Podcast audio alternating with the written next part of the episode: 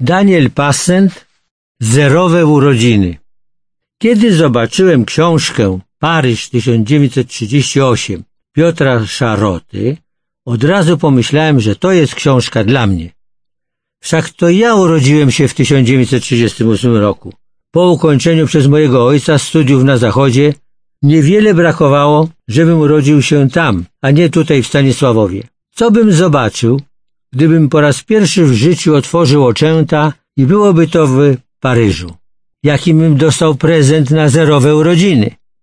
Niestety, w kwietniu najważniejsze były urodziny Hitlera i Lenina, a nie moje.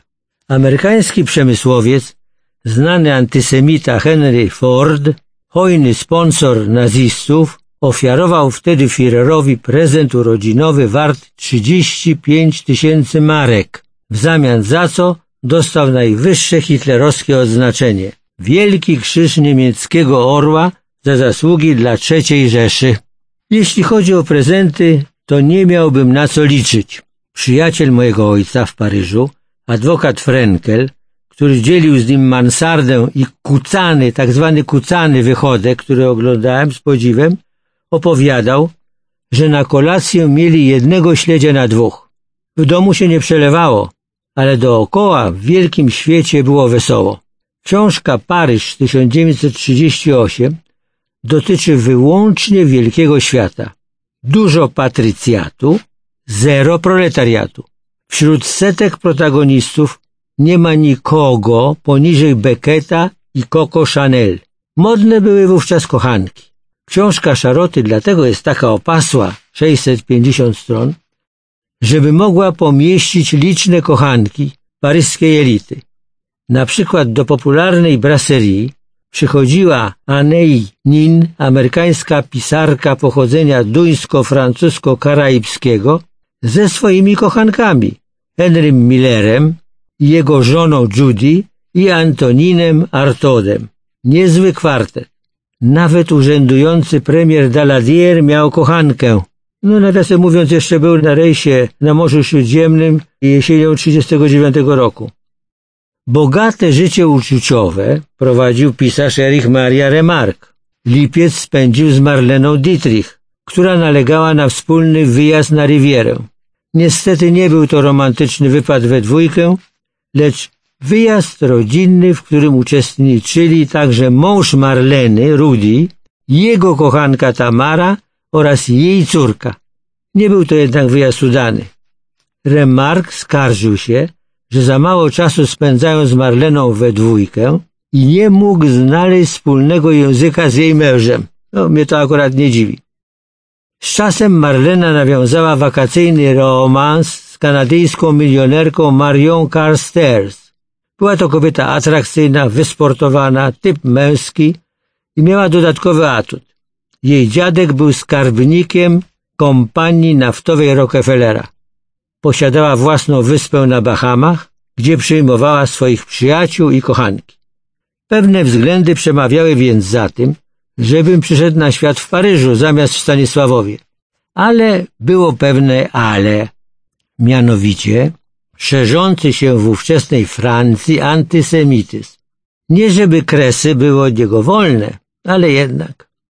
Wybitny pisarz Selin, patologiczny antysemita, pisał w swojej książce w jednakowy sposób i z tym samym tupetem, z takim samym oszustwem, te bezczelne Żydy, trzymając w swych łapach wszystkie nici, stwarzają jakiegoś Stalina, co i jakąś Joan Crawford.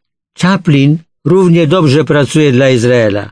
To wielki pionier żydowskiego imperializmu. Nie były to więc czasy, żebym przychodził na świat w Paryżu. Wybrałem, jeśli tak można powiedzieć, Polskę. Do tego samego wniosku doszła rodzina Romana Polańskiego, która zdecydowała się na wyjazd z Paryża do Krakowa. Bezpośrednim powodem, czytamy w książce, były pogłębiające się problemy finansowe, ale też wyraźna zmiana klimatu politycznego.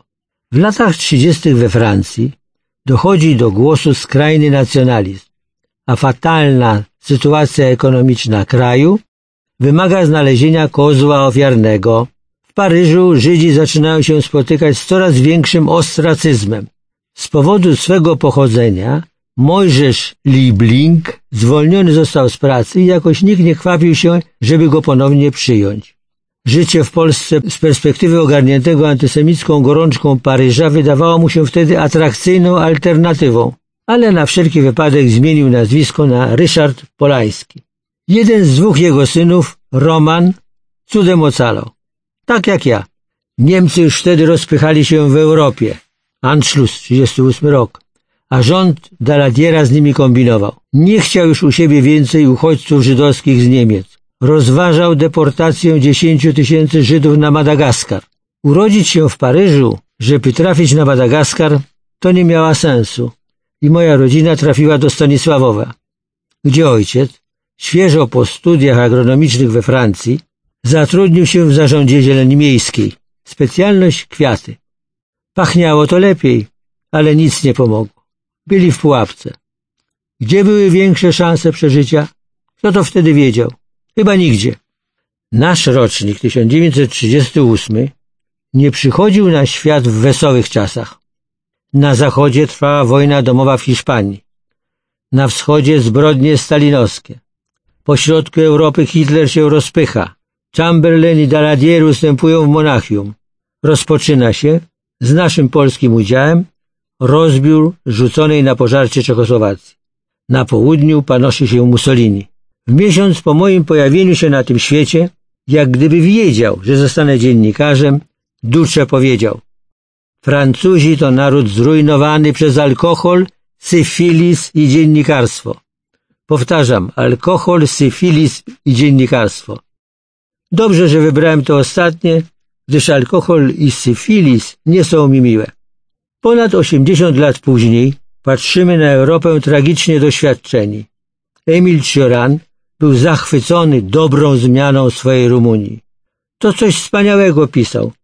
Widzieć jak reżim, aby uzasadnić własne istnienie, zmienia prawo, zmienia religię, popycha sztukę w nowym kierunku, konstruuje nową historyczną perspektywę, brutalnie eliminuje trzy czwarte uświęconych wartości.